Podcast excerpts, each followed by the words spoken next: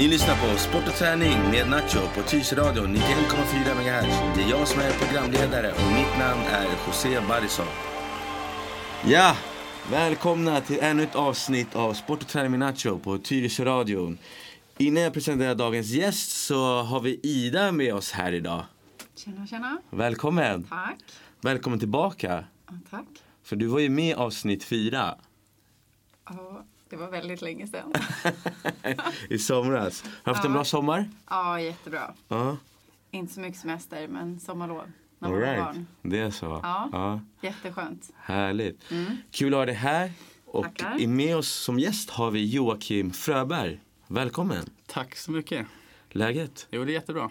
Jättebra. Du är solbränd och fin. Ja, Var har du varit? jag har varit i eh, Italien. Pappa Mm. fyllt 60. Mm. Så att eh, familjen har varit där. Nice. Jag och Jocke vi lärde känna varandra genom fotbollen i Tyresö. Det stämmer. Vi var ju lite yngre, smalare. Exakt.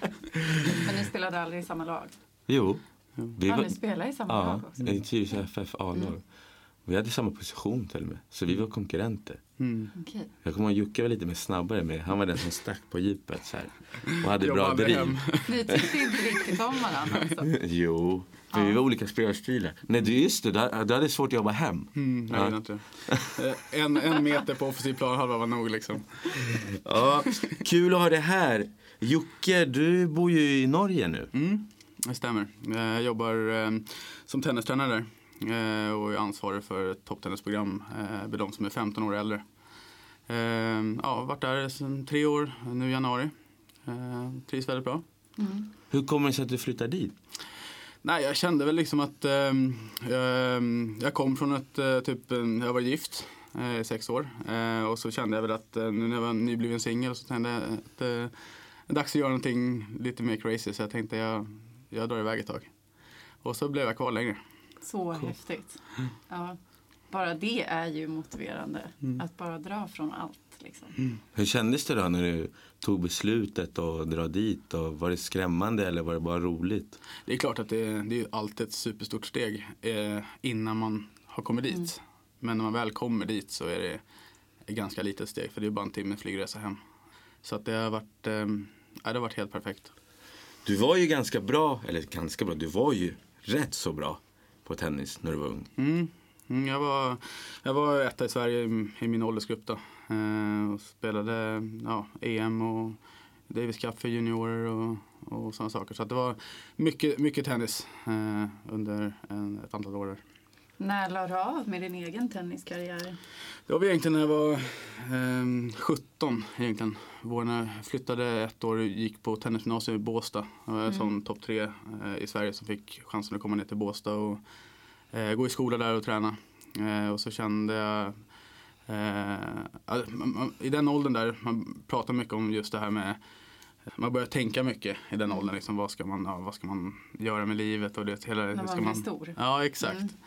Så att jag kände väl det, jag började, som många andra gör, man börjar jämföra sig med andra idrottare och jämföra deras resa och en, ens egen och så blir man så här, ja de andra har kommit längre och så börjar man jämföra sig för mycket.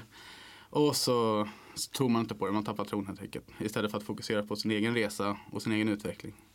Eh, så, ja, så gjorde jag det misstaget då att jag började tänka på det sättet. Då. Jag känner igen mig i det där också.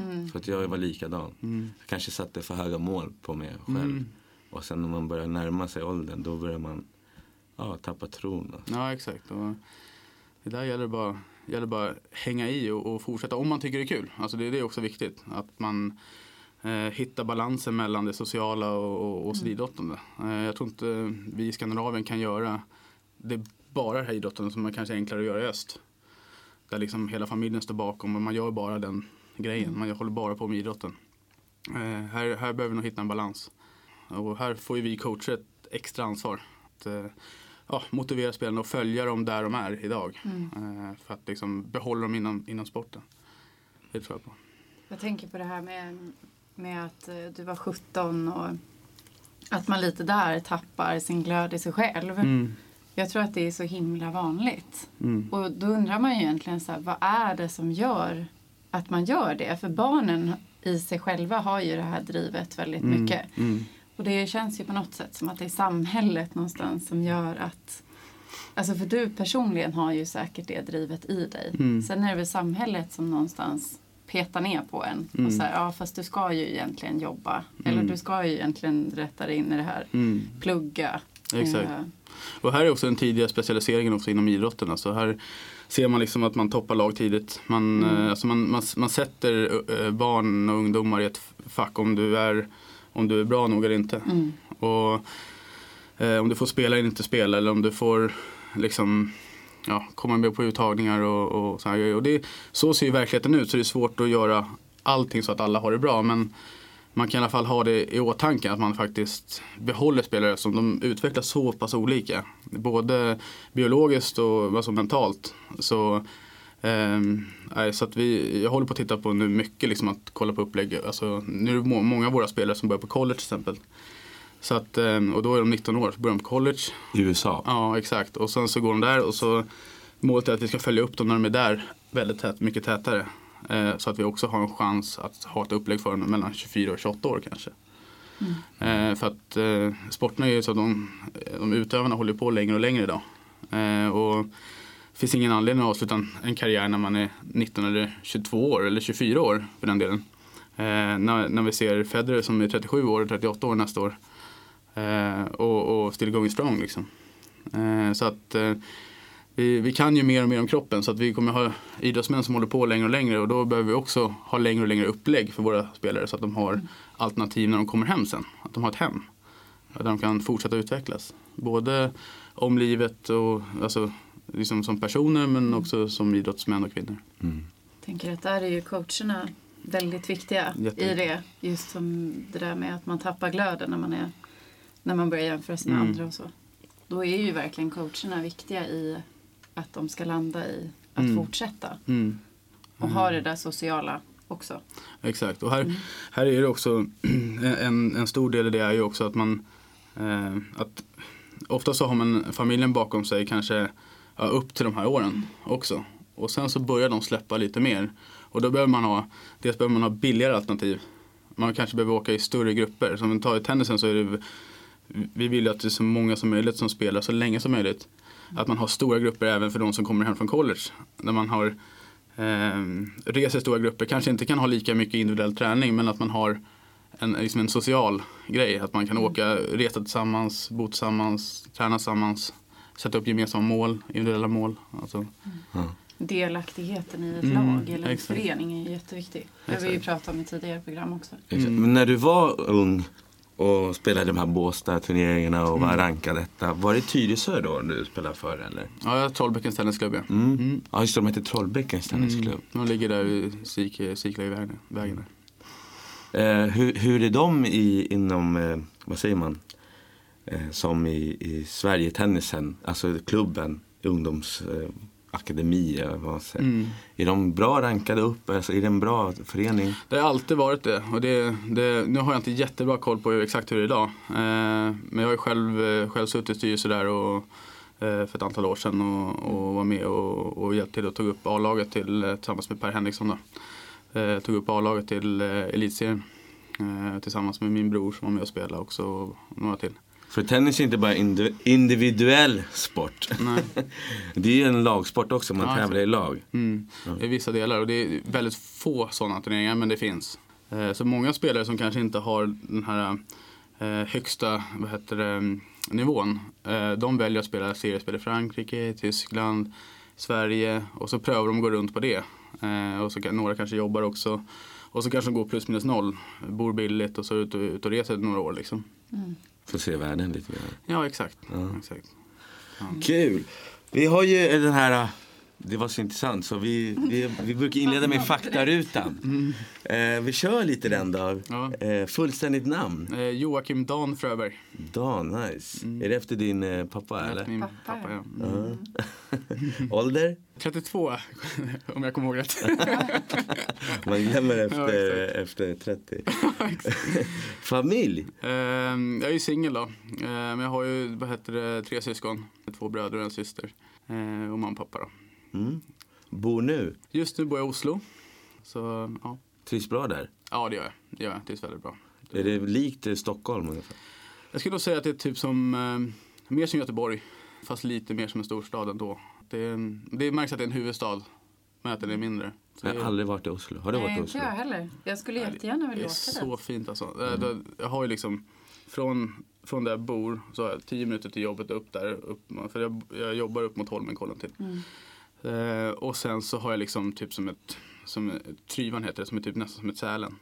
Bara en halvtimme upp med T-banan. Så kan jag åka, åka skidor eh, och liksom Vandra. Så det är året runt aktiviteter och det är jäkligt nice. Mm. Eh, så man, man, man stannar inte inne på vintern liksom. Utan man, Man ute. man gör grejer hela tiden. Jag har hört att Bergen ska vara fint också. Ja, det är supernice. Ja, jag ska dit faktiskt nästa fredag på en turnering. Okej. Häftigt. Mm. Jag har ju tänkt att Norge är liksom vandringarnas paradis Mm. liksom, med alla fjäll. Exakt. Magiskt. Många gäster som eh, kommer hit har ju en sysselsättning. Men din sysselsättning är ju tennis. Mm.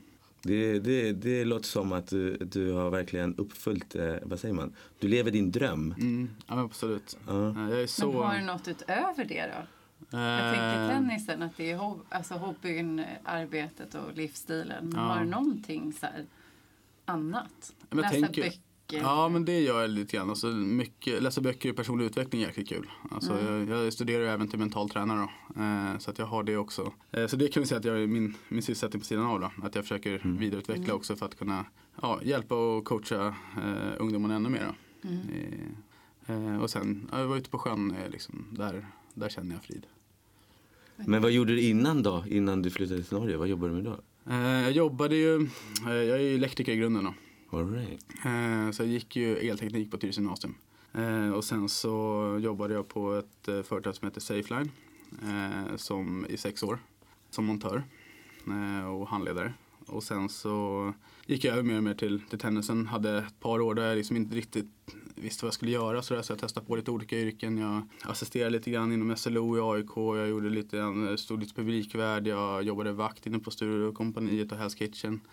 Eh, Så jag gjorde lite olika Stekigt. grejer. Nej, det är inte så glamoröst. Men, men det var jäkligt kul och man fick träffa mycket människor. Och det, det var det som var tror jag, huvudmålet. Att jag Mm. ville lära mig mer om människor. Hur gick det tillväga när du tänkte så här, nu ska jag flytta, eller nu ska jag, min, mitt jobb ska vara min hobby. Hur gick du tillväga då? Alltså vad var första steget? Man tänker, många vill ju jobba med det man älskar. Mm. Ja, det är väl, eh, man måste väl ringa ett samtal oftast. Så jag ringde en, eh, ja, han Per Henriksson då, som var min gamla tränare. Och, och kollade om jag kunde komma och, och hjälpa ungdomarna i, i, i hallen. Då. Så jag började hjälpa till där på eftermiddagarna. Under tiden jag jobbade med vanliga jobb. Då. Så jag jobbade till fyra och sen så eh, mellan fem och sju så var jag där nere och hjälpte till där. Så spelade lite själv och så startade vi ett A-lag där och lite grann. Så på den vägen var det. Eh, och sen så började jag jobba, jobba i Lidingö, eh, Lidingö Tennisklubb. Eh, och sen jobbade jag i Spårvägen som ansvarig för tävlingsjuniorerna där. Eh, och sen så flyttade jag till Norge. Men det blev då i, det blev ett heltidsjobb inom tennis. Ja, från och med, eh, eh, från och med Spårvägen egentligen så hade jag heltid. Eh, hade jag. Okej. Annars så var det lite mindre. egentligen. Ja, det är häftigt. Jag måste också ta tag i, i vissa sådana saker faktiskt. Förlåt, skola. Men inget bara för evigt. hobby då? Utanför all sport, har du någon hobby? Som inte är kanske sportrelaterad? Det kan ju vara sportrelaterat också för sig. Ja. Du sa ju mental träning Jo, där, men det är väl lite grann sådär, lite grann, eh, alltså, det låter kanske lite nördigt men det är, människor i stort är ju ett stort intresse. Eh, och även liksom typ, men även också att när man, när man är i den, alltså, i den stressade samhället vi är i nu. Så att konsten att kunna ta det lugnt, Mm. det är en hobby. Att pröva liksom att faktiskt vara här och nu och pröva liksom att, för det är liksom, man, man är alltid på väg någonstans hela tiden. Det är det, alltså, jag känner också det när man kollar på tv och sådana grejer. Om man kollar kanske på någon sp- idrottsevenemang, jag kollar mycket så här. Om jag kollar på NFL igår till exempel. Mm. Då kan man inte riktigt koncentrera sig längre på matchen. Utan man har mobilen där vid handen och så tittar man på den och sen några, någon minut och sen stoppar man ner den, så tittar man på matchen. Och sen går det några minuter, äh, då tar man upp mobilen igen. Man brukar, man brukar tänka så här, mobilen är som en hundvalp. Att är den i rummet så får den all uppmärksamhet. Och liksom det, det är liksom, så här liksom kan man alltid ha det. Alltså, det är så himla svårt att ta bort den. Den är, den är, liksom, den är alltid där. Och den, allting som har med reklam och, och sånt på tv. Man, alltså vi har ju kollat på tv i, i många, många år. Men reklamen, det enda den säger er och oss, vi som tittar på det, det är att om du får det här, då blir du lycklig. Mm. Du är inte lycklig nu, det duger inte som du är, utan du behöver det här och här och här. Och här. Mm. Så att den här eviga strävan efter att ha mer och mer och mer som gör att vi blir mer och mer stressade tror jag. Så att eh, varför har folk landställen och, och i Norge hytter och sånt? Jo men det är för att man vill åka tillbaka till de här krokiga eh, kastrullerna och, och böjda skedarna och liksom leva enklare och inte kanske ha någon mottagning och bara vara med familjen. Men sen har de ju gjort att, alltså, sen har de gjort att man måste ha den där smartphonen. Alltså, har du inte den, då är du typ utanför. För allt du gör, alltså det är det här med bank-id, alltså allt sånt här. Jag har ett praktexempel på det nu. För min mobil är helt ny. Mm. Jag fick den häromdagen. För att min gick sönder. Den gick inte att starta en dag. Hur Och kändes den här det? paniken som uppstår. Så här. Nej men alltså det går inte att sätta på mobilen. Men var, den inte, var det inte skönt efter någon dag? Jo, men det var det här första stunden. Då var det så här smått panikångest sådär, som framstod. Och sen så bara, det är ganska skönt. Och så tog jag en promenad. Du vet, man behövde inte ta upp den tio gånger per promenad för att se om det har hänt någonting nytt. Liksom. Gud, det var skönt att ganska slippa det, alltså. skönt. Men det var liksom den enda gången som jag gör det. Det var när den själv pajade. Och det var något så här lugn som infann sig. Och sen så när jag fick tag i en så här lånad telefon eh, så tänkte jag så här, ja men nu ska jag, nu ska jag bara låta den vara lite sådär. Och man så här, blir lite duktig och ska lägga ifrån sig den en stund. Men eh, sen så är jag inne i det igen nu. Ja. Och det gick så fort. Mm. Eh, och det är inte bra. Och det, där, det, det, är så, det är så är det för alla. Och jag, jag gör ju så att det enda jag har på aviseringar idag det är ju Mm. egentligen bara meddelande och mail.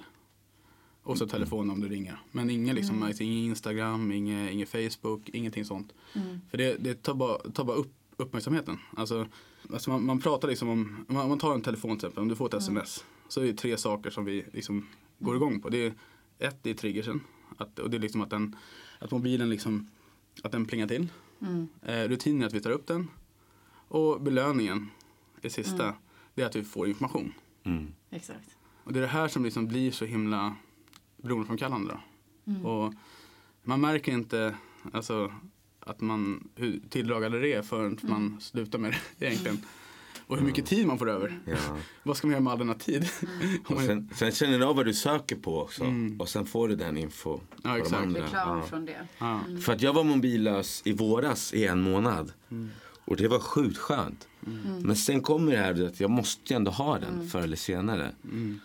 Och då, det är som du säger, man är inne på det där igen. Alltså samma sak. Men det var, det var fan den, den bästa perioden i år. Alltså. Mm. Därför då hörde man, började man höra sin egen röst i bussen eller sådana Ja, saker. Det precis. låter lite så här ja, nördigt men så var det liksom. Mm. Ja, vilket sidospår. Din bä- det här är roligt. Din bästa idrottsupplevelse. Oj. Det Mm. behöver inte vara något som du har presterat. Ja, det kommer det nog garanterat vara. Det kan det. Ja, men det är klart det ska vara det. Så självkär man är. Exakt. Ja men det är klart. Jag säger bara det som ett Ja. alternativ. Ja, den, nej, men det är egentligen... ehm, det var, det en, en vår, sommar där. ehm, det är egentligen två egentligen kan man säga. Det är vår, sommar när jag vann SM inne i singel och dubbel i samma turnering. Och sen följde upp det och vann Båstad-tennis i min ålder. Direkt efter. Då kände jag mig överlägsen för första gången. Det var liksom alltså, det finns ingen som kan rå på mig. Jag är så stark. Hur gammal var du då? 14 år. 14 år. Det var liksom första jag bara kände, nej, alltså det finns, hur, hur bra de än spelar så har de inte.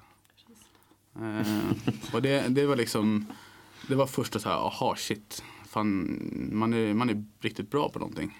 Eh, och sen följde jag efter, ö, ö, upp det året efter och så finns det något som heter Kalle Anka Cup. Som är typ det största, för det, då var det så att då spelar man Stockholmskval.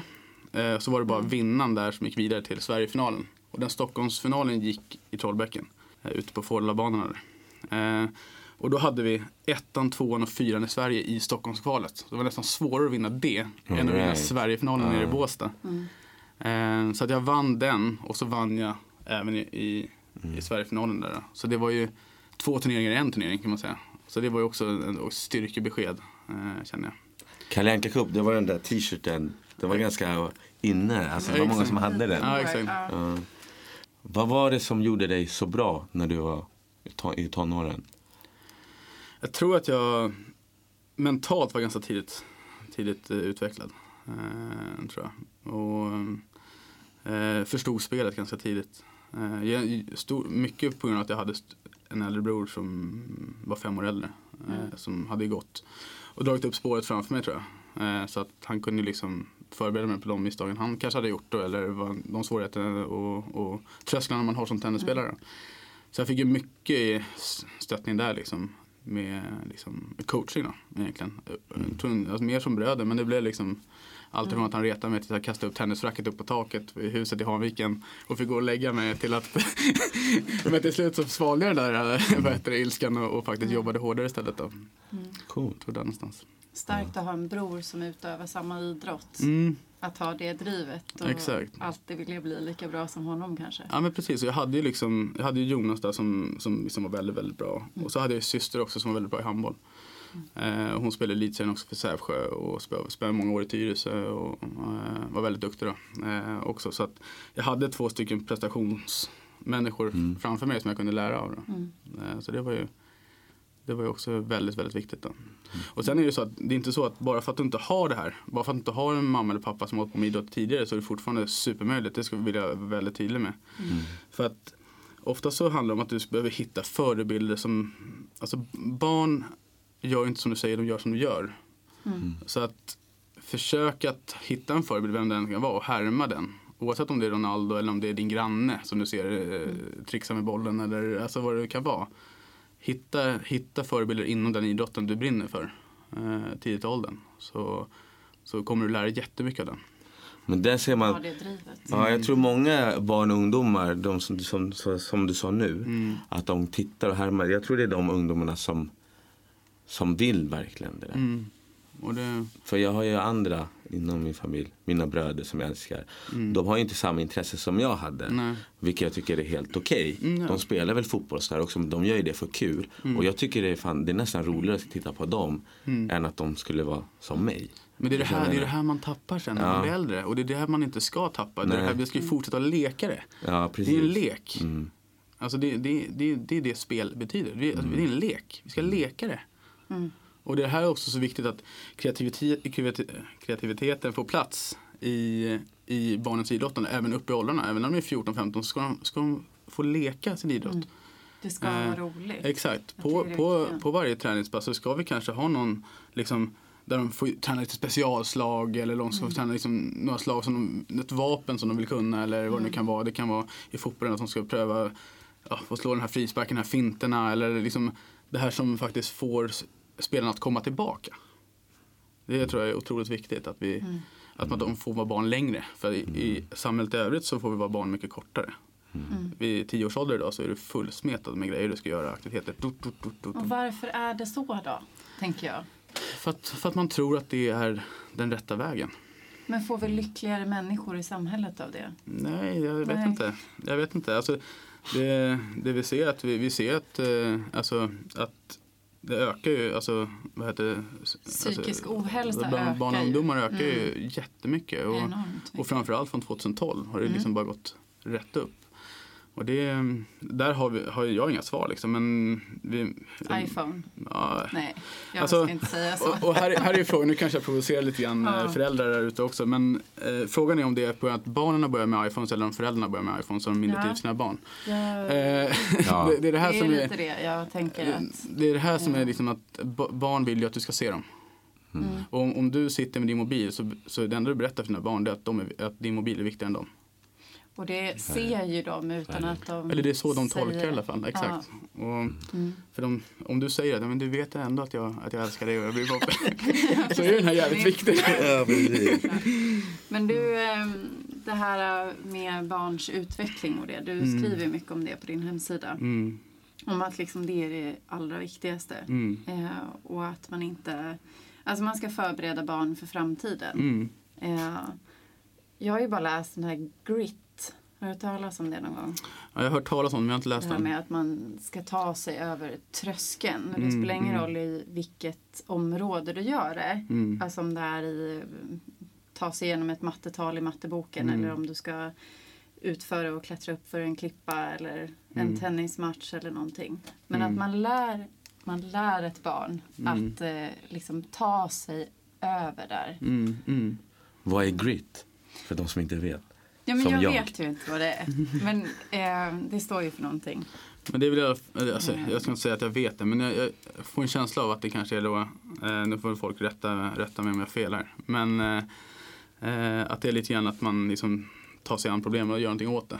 Och prövar Ja. liksom och, och, och jobba över den här tröskeln. Då. Men, Precis.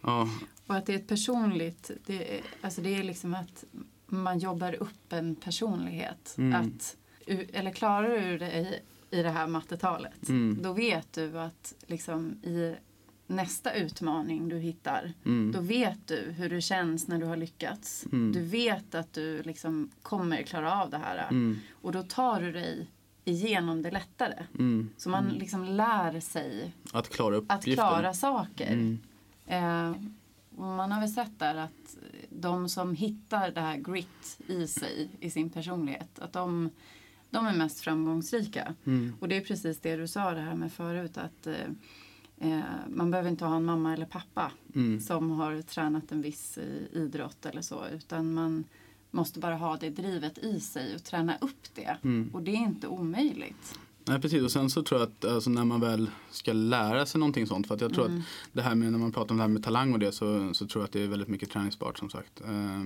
jag tror att det ska inte vara en för stor mental ut, alltså eh, ja ska vi säga, jag hittar inte ordet då, men det ska inte vara för stor utmaning mentalt.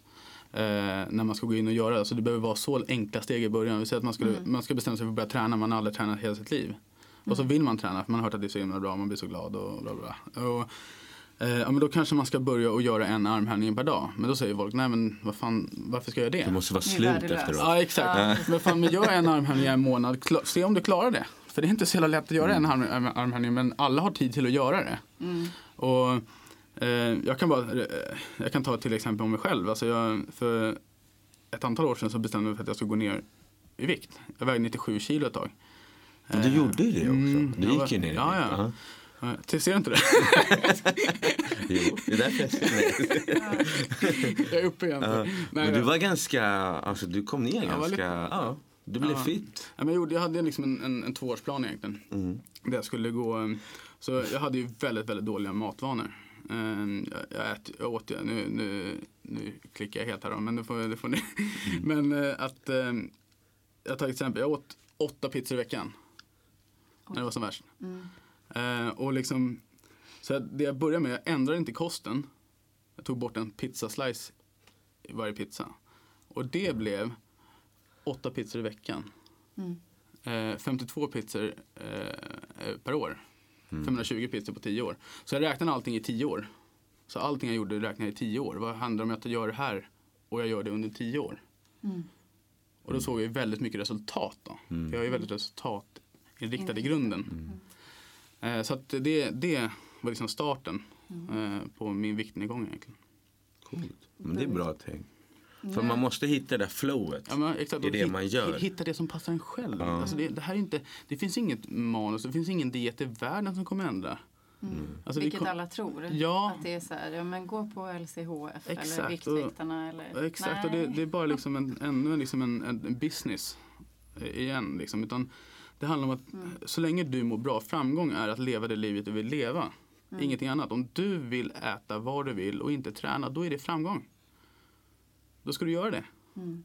Då har ju du valt det Exakt. också. Och då, då, alltså då ska du vara stolt över det. Mm. Men, men vill du gå ner, då ska du också göra det. Och då ska du vara stolt över det, att du, att du försöker.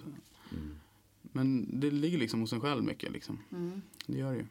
Så alla de här dieterna som folk gör. Det, det tar ju väldigt mentalt. Alltså. Man har ju också prövat det där själv. Och Exakt. för mig så, det gick inte. Nej men hamnar bara i en jojo-grej. Ja, ja, jag, Alltså, hamnar, jag blir bara så här irriterad och, och Exakt. mer irriterad än vad jag är. Nej. Så Nej, men det- ja, men det är en armhävning om dagen. Mm. Börja med det. det. det. Eller som du, att ha någon, någon aktiv rörelse. Ja, precis. Alltså Mm, fysisk exakt. aktivitet. Ja. Du säger det att ja, men vadå, om jag inte går till gymmet och flåsar och svettas då kanske jag tar en promenad på 20 minuter. Då har jag i Men- alla fall gjort något. Men förut så var det tvärtom, att jag skulle vara helt slut. Mm. Men det fick man från sin fotbollsgrej. Ja, men det var ju... Mm. Och där tror man som gammal så här, elit, ungdoms, alltså ungvuxen. Mm. Att man blev lite, i alla fall jag blev lite så här, inte förstörd men man hade det tankesättet. Och sen när man blir en vanlig motionär och gör saker för att må bra så har man fortfarande det. Mm. Alltså jag blev, eh, vad säger man? Man är lite missnöjd över sig själv tänker jag i alla Jo, fall. Att man så, är, så har det varit för mig i alla Ja. fall. Ganska mycket. Mm. Och man vet ju vilken form man var i. Ja, Eh, och sen så jämför, jämför man det igen idag Mm. med dagens jag och det är inte samma. nej. Utan man måste ju veta vad man är nu och därifrån ta steg. Inte från där Men sen att omgivningen också påminner en hela tiden. Det. Vilka tänkte du på nu? Där är Jocke. Han var ett grym tennisspelare när han var 14. Bara, äh, vi är 34 nu. Han bara, "Ja, han gör Får du aldrig." sådana frågor? Är Så här, går det med tennisen? Ja, precis. När Nej, du men, nej, men de kan, det, är många, alltså det är några stycken som kan säga så här, liksom, fan synd att du slutar och så här, liksom, bara- Exakt, Men alltså, man blir påmind. Så, ja, alltså, även spelare får ju, varför slutar du? Du kunde bli så himla bra. Ja, men då hade jag inte kunnat jobbat mer. Och det är någonstans så får man liksom, alltså jag är supernöjd. Jag är frisk. Alltså jag har liksom, alltså jag, jag har ju allt man kan önska sig. Mm. Få jobba med det jag älskar och liksom eh, alltså hjälpa ungdomar i liksom, just med en den dröm. åldern där jag inte kunde, att jag kanske liksom hade de verktygen för att liksom göra det jag ville. Så vill jag ge det till dem. Liksom. Mm. Men grit. fint. Jag Ja. slog upp det här på Google. Ja. Grit är ett kara- karaktärsdrag som kombinerar uthållighet, inre driv och förmåga att inte ge upp vid motgångar. High five på den. Ja. Det har visat sig vara en avgörande faktor för att nå framgång både i skola och yrkeslivet. Mm. Och det finns en bok också av Angela Duckworth. Grit. Konsten att inte ge upp. det. Konsten att inte ge upp. Precis, Ja, så det, här kan man ju, det här kan man ju relatera till då skola, ungdomar som Mm. du jobbar med. Att har man den här karaktären eller bygger upp den här karaktären, man kan få så många barn att må bättre. För jag tänker att många elever typ i skolan, jag kan bara relatera till mig själv med läraryrket, att liksom många elever bara, "Ja, men jag tänker inte göra det där, varför ska jag göra det där? Liksom. Att de inte ser någon mening med att de ska göra det. Men det är ofta så genom att eh, intresset inte hänger med. Ja. De, är, de är inte intresserade av det. Så att, säkert är det så att många här, eh, många kanske, några som liksom här kanske spelar mycket Fortnite.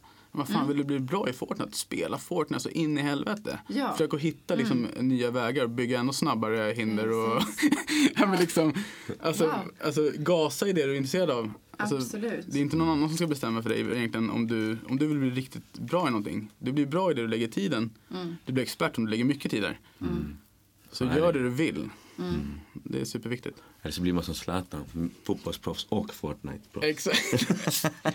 Han spelar Fortnite. Han lägger upp på sina sociala medier att han har vunnit och grejer. Det är helt sjukt. Han är ett barn fortfarande. Ja, han leker. Ja, han leker. Det är därför han är miljonär också. För han leker. Vet du vad Fortnite är? Ja, jag har en lillebror som är helt galen i det. Igår spelade han fotbollsmatch. Han är åtta år.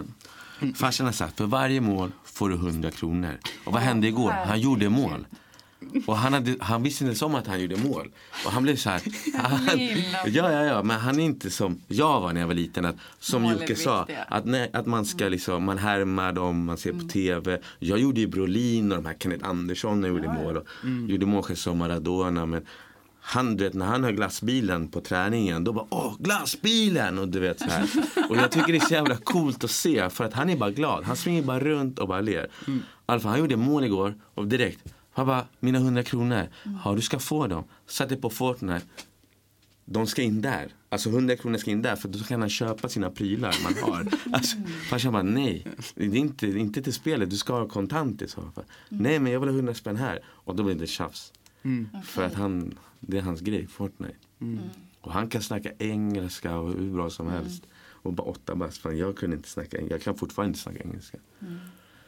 Men det är ju det där då som, som du säger. Jaha, men om Fortnite är det, det man vill bli bäst på. Då kanske din pappa ska så här Jo, vända om det. men han, så här ja. tänka att man kanske ska... Men den Men han, han nej, tycker det. Jo men han, han, han är faktiskt, för hon, alltså Ja. min, min pappa han, han låter dem spela Mm. rätt mycket för han tycker att det, det, det, är både, det är utvecklande på vissa saker och han Mm. tycker det är den nya sporten. Alltså det är den nya, det är e-sport nu. Mm. Eh, Så han är ganska, men att slösa, om man får 100 kronor som han sa igår, att slösa allting direkt på ett spel. Mm. Det ska man inte göra. Man, ska, man kan kanske slösa lite och sen ska man spara pengar. Du slösar inte hela din lön du får. Men alltså hade vi sådana tv-spel? Vi hade väl inte sådana här tv-spel när vi var små? Vi körde de- vägg och burken. Nej, men att de, så här, man så här, sköt in pengar i spel Nej. på det sättet som de gör nu. Alltså, jag menar, spelen i sig tjänar ju på Du vet det där de spelet är gratis. Du behöver inte köpa det spelet. Och det är det, vad är det, de tjänar mest av alla spel i världen. För att man köper grejer i spelet.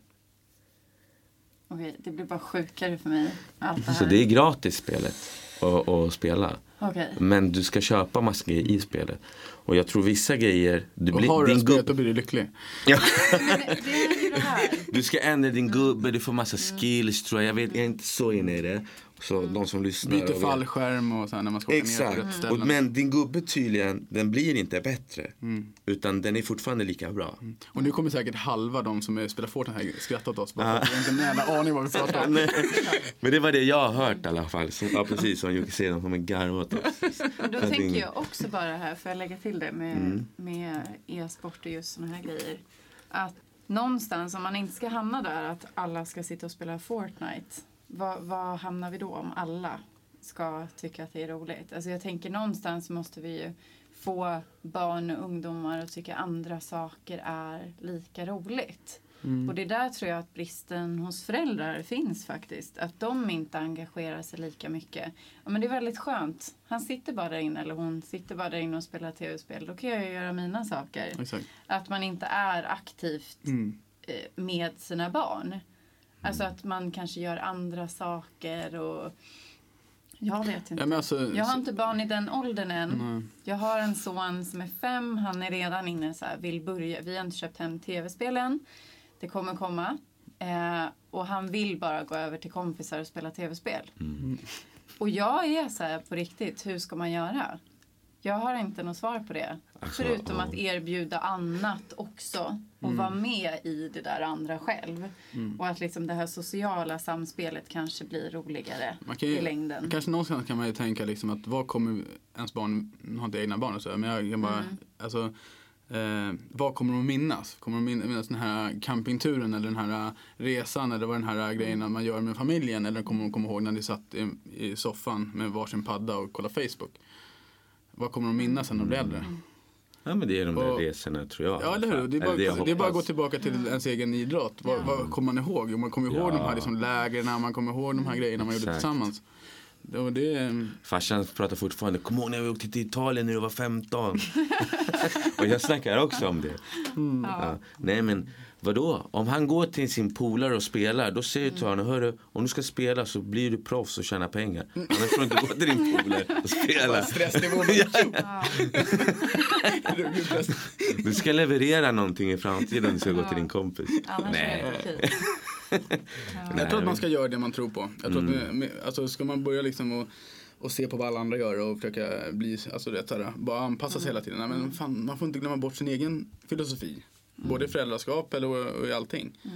Det, man behöver liksom gå sin väg. Men sen tjänar de där eh, som spelar ganska mycket pengar också. Alltså de här youtubers som filmar sig själva när de spelar och folk tittar på dem live. De tjänar rätt så bra pengar och de är unga. Och det är ganska lätt att se upp till dem där. Kan jag tänka mig. Men jag tänker också hur man ska få ungdomar. För det är så här, "Ah, vadå, jag ska bli en youtubers. Säger ju vissa. Men det är det nya ju. Okej, ja Precis. men vad ska du göra då? Så det är ganska svårt att kanske konkurrera med Mm. eh, det än att inspirera någon att bli en duktig doktor. Eller, Mm. För du sitter bara och min kamera framför dig så spelar du det du verkligen gillar att göra. Och du kan ha chansen att tjäna mycket pengar. Ja, Man kan ju fråga dem om de vill gå en eh, bildredigerings eller filmredigeringskurs. Eller att de vill, eh, Ja. alltså, det, alltså man kan ju liksom, Mm. Ja. man kan ju hjälpa dem. Liksom. Det är, Ja. Jag vet inte. Mm. Det var det du sa om den här idrottsupplevelsen som var den bästa. Mm. Att du fick det här, den här känslan att liksom, det finns ingen som kan ta mig nu. Mm. Jag är bäst. Exakt. Och jag tänker så här, om man låter ele eller vad heter det, barn och ungdomar att få känna det där att liksom, jag är faktiskt bäst på det här. Det spelar ingen roll vad det är jag är bäst på. Mm. Men jag är bäst på det här. Och att man inte är inne och petar där så mycket. Som Mm. du sa, att man, man ska låta dem få vara bäst på det de vill vara bäst på. Oavsett om det är att räkna matte eller måla eller Mm. spela tennis. Eller, Mm. Det ska inte spela någon roll. Exakt. Gör det du vill och gör det bra helt enkelt. Ja, Lägg mycket tid precis. där. Ja. Vi går vidare. Mm. Vilket lag eller vilka lag håller på? Den här är jobbig fråga nu alltså. Ja, efter det det var, det var ju derby igår. Ja. Det AIK? Ja, det var ju Det är så. Ja, vi spelade in det här avsnittet efter AIK Bayern Dagen efter ska jag säga. Ja. Det var väl eh, ja, det var en tight match. Ehm, lite tveksamma domslut. Det är så när domaren är matchens lirare. Ja, ja men det, det, jag, jag, jag, förstår, jag förstår Hammarby i det här eh, läget också. Eh, men jag förstår också eh, domaren också, vilken svårighet han, han står inför. Så också. är det ju. Så är det. Så, Men Gnaget är ditt lag. Gnaget är mitt lag, har varit sedan, sedan barnsben. Eh, och det finns inget annat lag egentligen. Nej. Hockey också, kollar du på hockey? Nej, jag följer inte Nej. så mycket. Bara Eh, så, ja, eller så mycket jag liksom hinner med egentligen. Jag, Mm. eh, prio ett är ju jobbet och, Ja, det är och det. Så. Så är En intressant eh, fråga här då. Mhm. Är det föräldrarna som har varit AIK-are? Eller är det något du har hittat Alltså det, här, det är själv? det här som egentligen borde jag egentligen vara Bayern. Morsan spelar i Bayern. Eh, hon har SM-silver med Hammarby 79. Eh, Coolt. Ja, spelar Allsvenskan. Eh, och pappa spelade i Tyresö då. Eh, när han var i, i division 2 där. Eh, 80, 86 tror jag. För då var division 2, det är inte division 2 Nej, nu. exakt. Nej, det precis. Nästa, ja, exakt. Det var näst högsta serien. Ja, näst, näst högsta serien. Ja, jag tror det. Men det var ganska bra nivå. Så att det var, det var Djurgården var ju med där i, det, Mm. i den tvåan.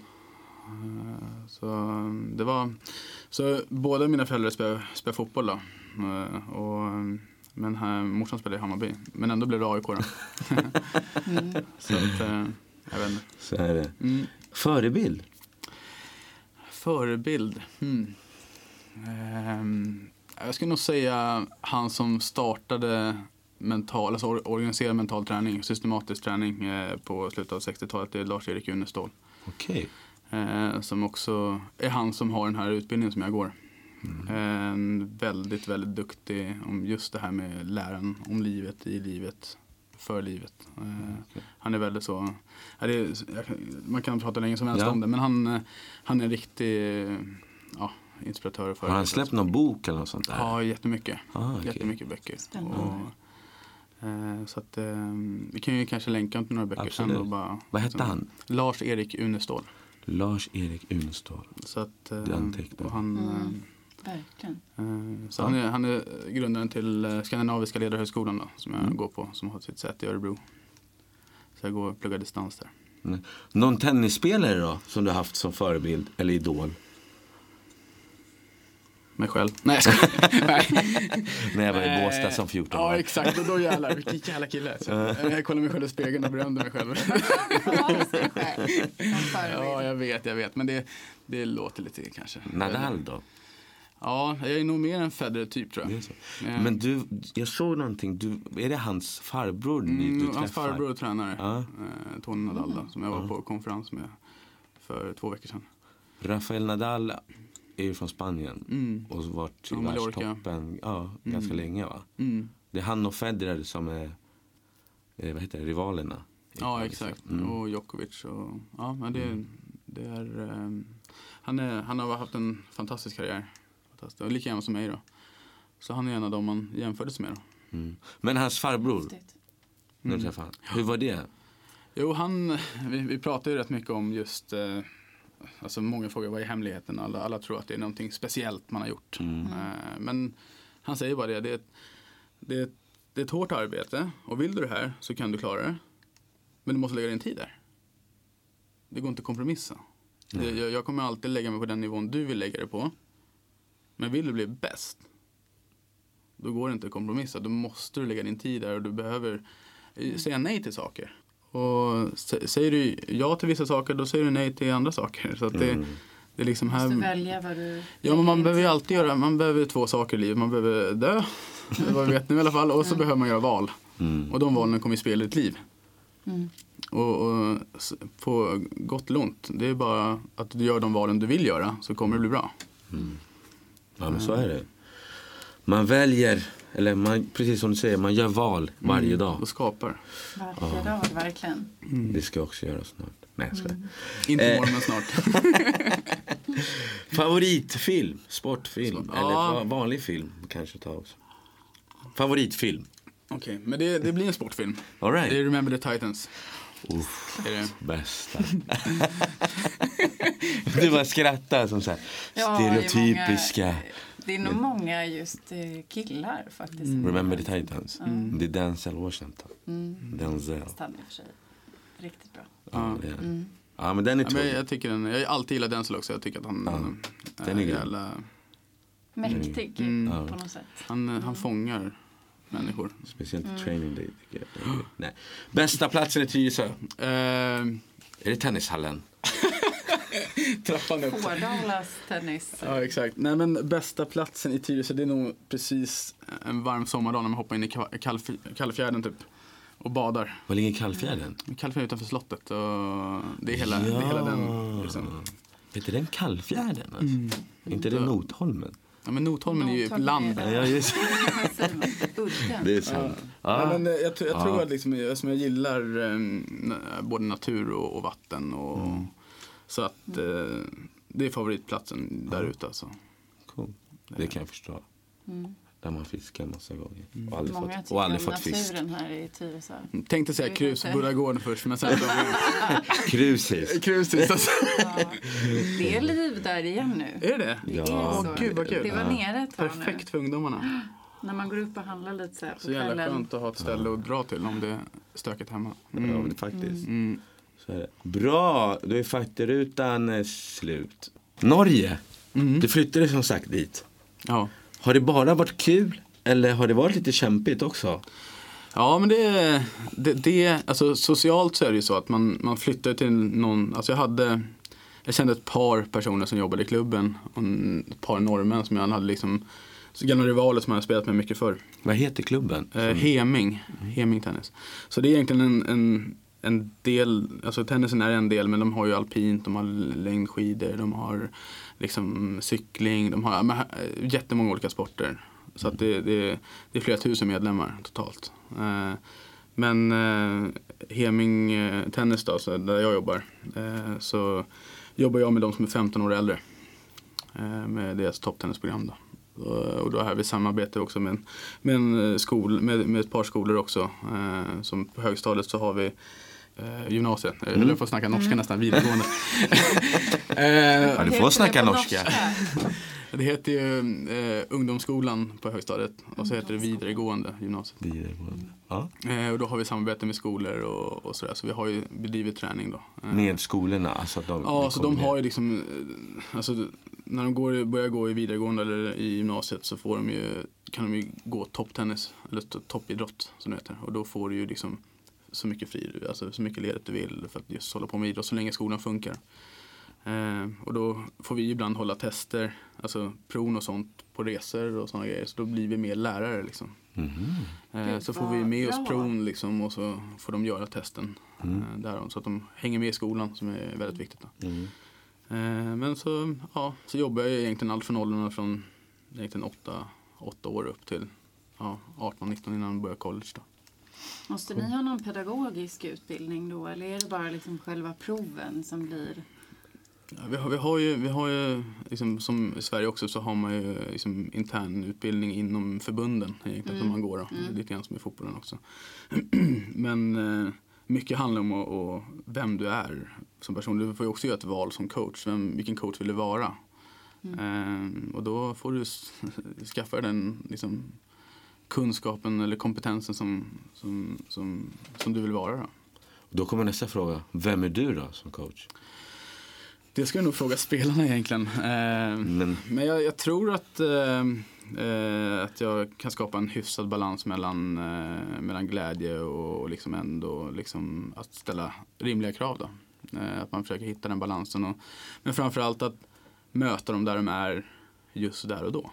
Eh, för att de utvecklas så otroligt olika. Och, och det är inte alltid lätt och, och, och liksom vara den som kanske inte växer lika snabbt som alla andra. Och, eh, liksom, alltså, man växer vissa, fysik, ja, men, eller? Exakt, mm. och, och, så tror man att man är mycket dåligare men det, det jämnar ut sig. Det jämnar ut sig när du är 16, 17, 18, 19 år till och med så jämnar det ut sig. Det gäller att hänga i där. för att eh, när, om, du, om du växer sent exempelvis så kan du träna på massa saker. Du kommer säkert vara mycket snabbare än den som har vuxit jättetidigt. Och det kan, kommer du kunna använda på tennisbanan. Och så slutar det med att ni blir lika långa. Mm.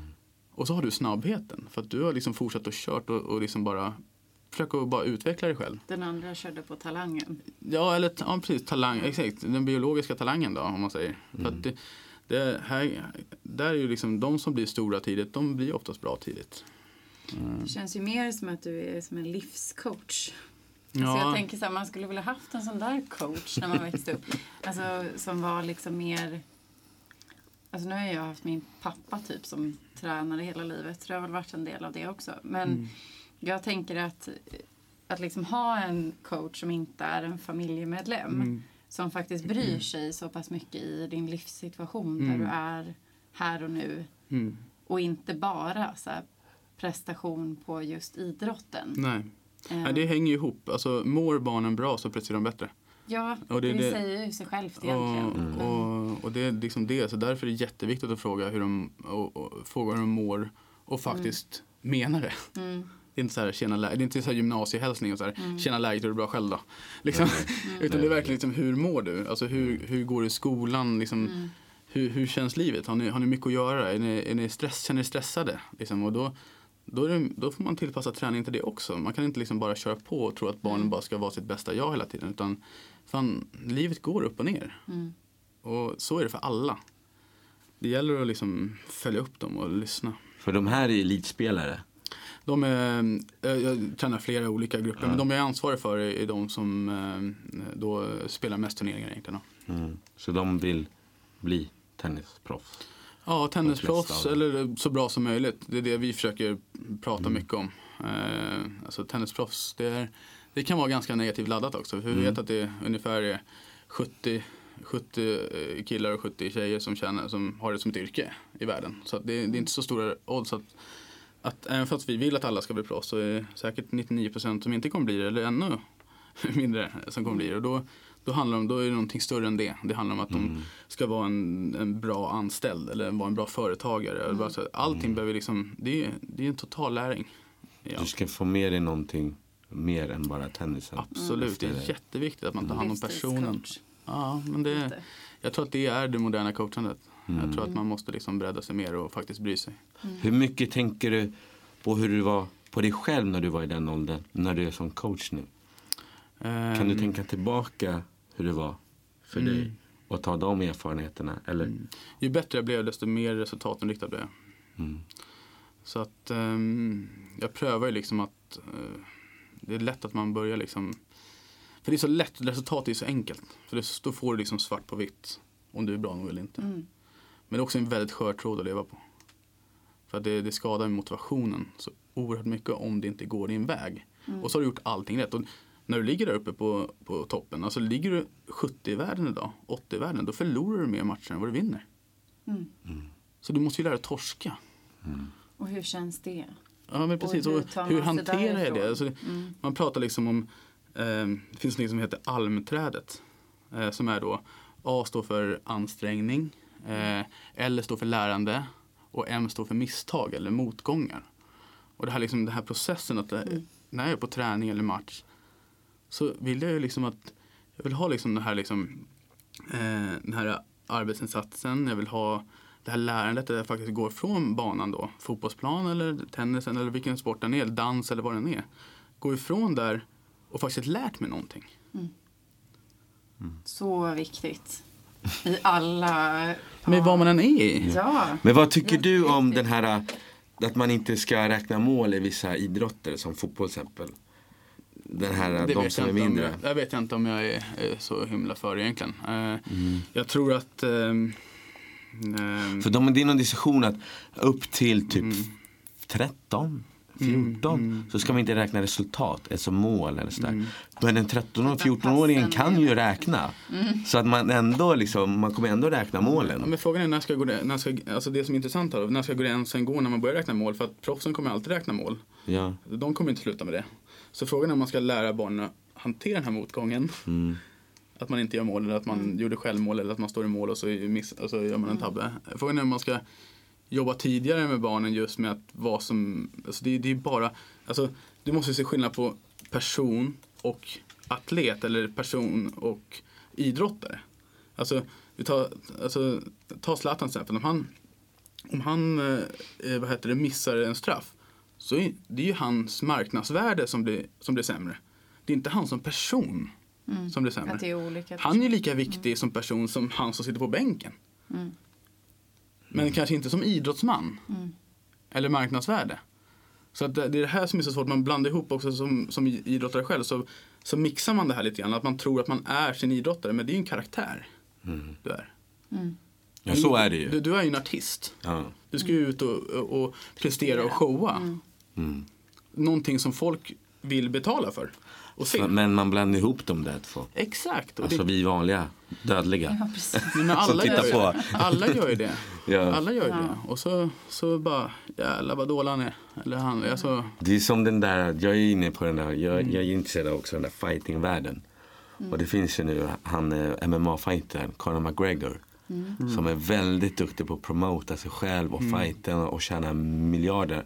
Med den här Mayweather-matchen till Mm, exempel. De bara hype upp den. Och det är som du säger, de var två karaktärer. Mm. Och de tjänade så mycket pengar. På att vara just karaktärer. Ja, och ena killen, Mayweather tjänar 3 miljarder. Mm. Var det så? Och han, McGregor tjänar en miljard. Och alla går ju på den här för att vi vanliga ser ju Exakt. Mm. karaktärerna och efteråt skrattar de bara och bara high-fivar och ja, allt är som vanligt. Liksom. Det är jättekonstigt. Mm. Så. Men vi triggas väl igång av sånt. Mm. Men jag tänker där på typ Zlatan. Man kanske ska jobba med barn då, så här, som i fotboll till exempel. Mm. Att liksom, ja fast om bara Zlatan hade funnits där på planen då hade det ju inte blivit så många mål mot de där el- elva andra spelarna. Om, Alltså, han om, om haft behöver ju- bollen. Ja, kanske. Ja, true Ja, story. det, det, Ja, det är sant. Men jag tänker att man kanske ska liksom lära barn från början och mycket Mm. tidigare att det inte är bara den som gör målet som Nej, var precis. den viktiga All- utan alltså- alla behövs. exakt. Och Det är väl samhället generellt. superviktigt. Och, Alla behövs. ja, det, så är det i, i, i samhället övrigt också. Mm. Alltså alla människor. Den det, mentaliteten att man liksom ska... Det är väl så i samhället också. Alltså det, alla jobb eh, behövs. Alla mm, människotyper behövs. Liksom. Att man lär barnen det från början. mm, Även inom idrotten. mm. Men hur, hur många år har du jobbat där nu? Så, Jag är tre år i januari. Det. tre år. Mm. Så då har du följt, det är några som har gått ut och, eh, skolan, eller Mm. gymnasiet där Mm. och som Det är du några- följer efter. Ja. Ja, det, det är några som eh, har börjat på college då. Ja, just det, USA, det sa Mm. du ju. ja. Hur går det för dem? Alltså, trivs de bra eller? Har Ja, jag är en kille som har börjat nu precis här på en, på en väldigt bra skola, där, Nordvästern. Mm. Eh, som är en eh, väldigt bra tennisskola. Mm. Eh, så jag pratade med honom för ett par dagar sedan och han sa Mm. att han trivdes bra. Det var mycket träning då. Eh, Mm. En liten omställning sådär. Mm. Men att han trivdes väldigt bra. Vad är mycket träning för honom? Jag tänker om han har varit hos er innan. Vad, Mm. är det liksom mer än åtta timmar per dag? Eller? Nej, det är det inte riktigt. Men alltså, st- stora problematiken här är ju som, som vi har, utmaningen vi har. Alltså, anledningen till, att ungar skadar sig, det är ju överbelastning. Rakt av. Överbelastning, överbelastning. Vi spelar, vi spelar för mycket. Vi tränar för mycket. Eh, och det är sån hets och stress om att man måste räkna hur många timmar man har på tennisbanan eller hur många timmar man har på fotbollsbanan. Eh, vilka man tränar med. Liksom, det tar bort all fokus från den egna individens egen kraft. Mm. Att äga sin utveckling. Och jag tror att det kan vara farligt när man liksom hittar prövar att leta svaren någon annanstans hela tiden. För det blir en ansvarsförskjutning och där, där gör man sig själv till ett offer tror jag. Eh, I många fall. Och det, här, här behöver vi alltid hjälpas åt till att liksom, fan men du klarar det här. Alltså du är så jävla bra. Och det är det här man måste lära i varje individ. Att de faktiskt kan skapa ett otroligt bra liv oavsett liksom, vad de väljer att göra. Och är det så att, till exempel om man tar, om man tar liksom, eh, man, vi tycker saker är kul, det är vi bra på, det tycker vi är kul. Mm. Så att om du inte trivs på jobbet, bli bäst på ditt jobb. Så kommer du tycka det är roligt som fan alltså. Oj, nu svarar jag. Det är lugnt, du får säga fan hur många som Okej, helst. men, alltså, men det, jag tror att det är viktigt att man liksom att man, eh, gillar man inte där man är, antingen så, så får man ju byta då, men då jag tror att det kommer bli liknande på ett annat ställe. Mm. Jag tror att du, där du är måste du bara pröva att göra så jävla bra du bara kan. Eller hitta det du tycker är roligt. Ja, gå exakt. in där. Exakt, och ägna, ägna ungdomsåren att testa olika jobb, testa olika saker. Och, Mm. fan, vill du starta eget, starta eget. Testa. Vad kan gå fel? Ja, exakt. Du Här tar i en Sverige, chans. liksom, vad har vi för... Exakt, du kan ju Mm, inte vinna på Lotto utan att köpa lotten.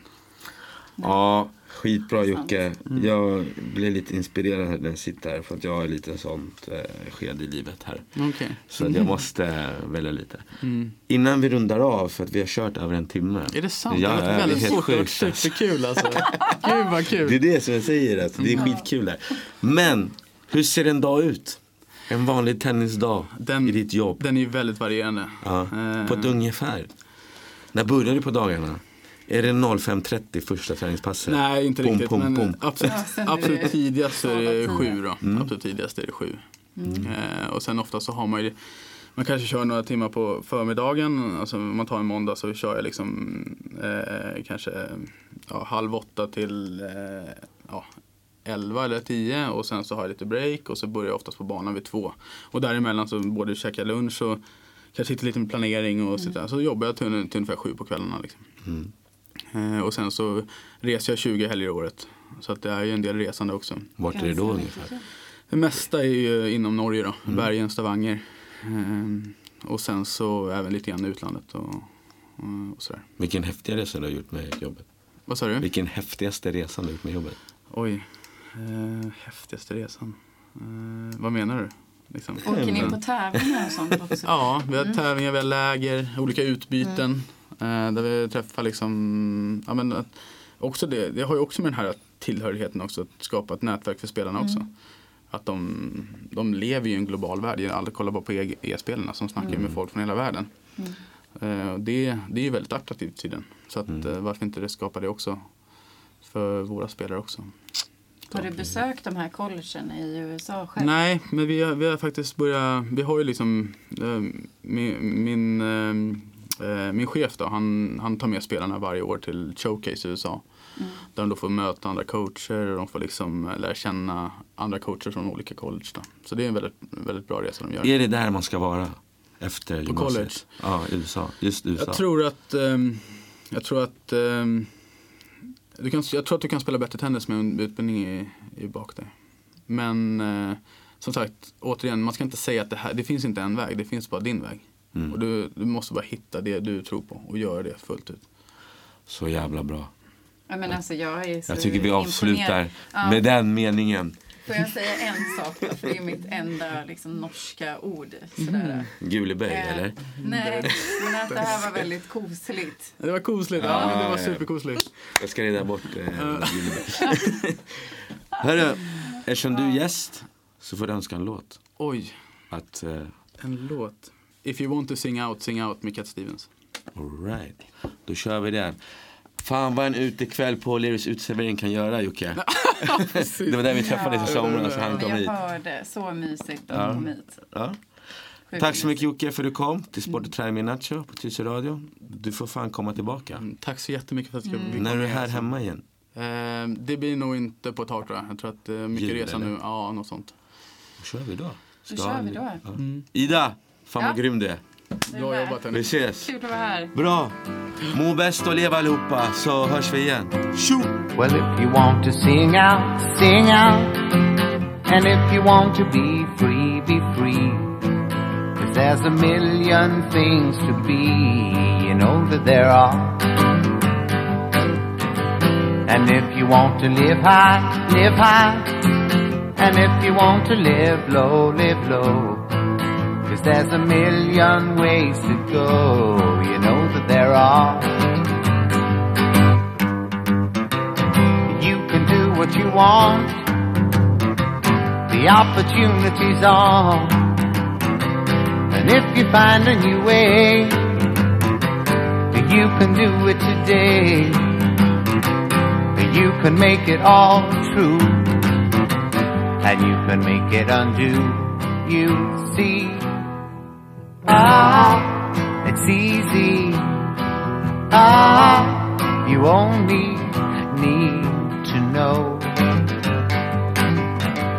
Well, if you want to say yes, say yes. And if you want to say no, say no. Cause there's a million ways to go, you know that there are. And if you want to be me, be me. And if you want to be you, be you. Cause there's a million things to do, you know that there are. You can do what you want, the opportunity's on. And if you find a new way, you can do it today.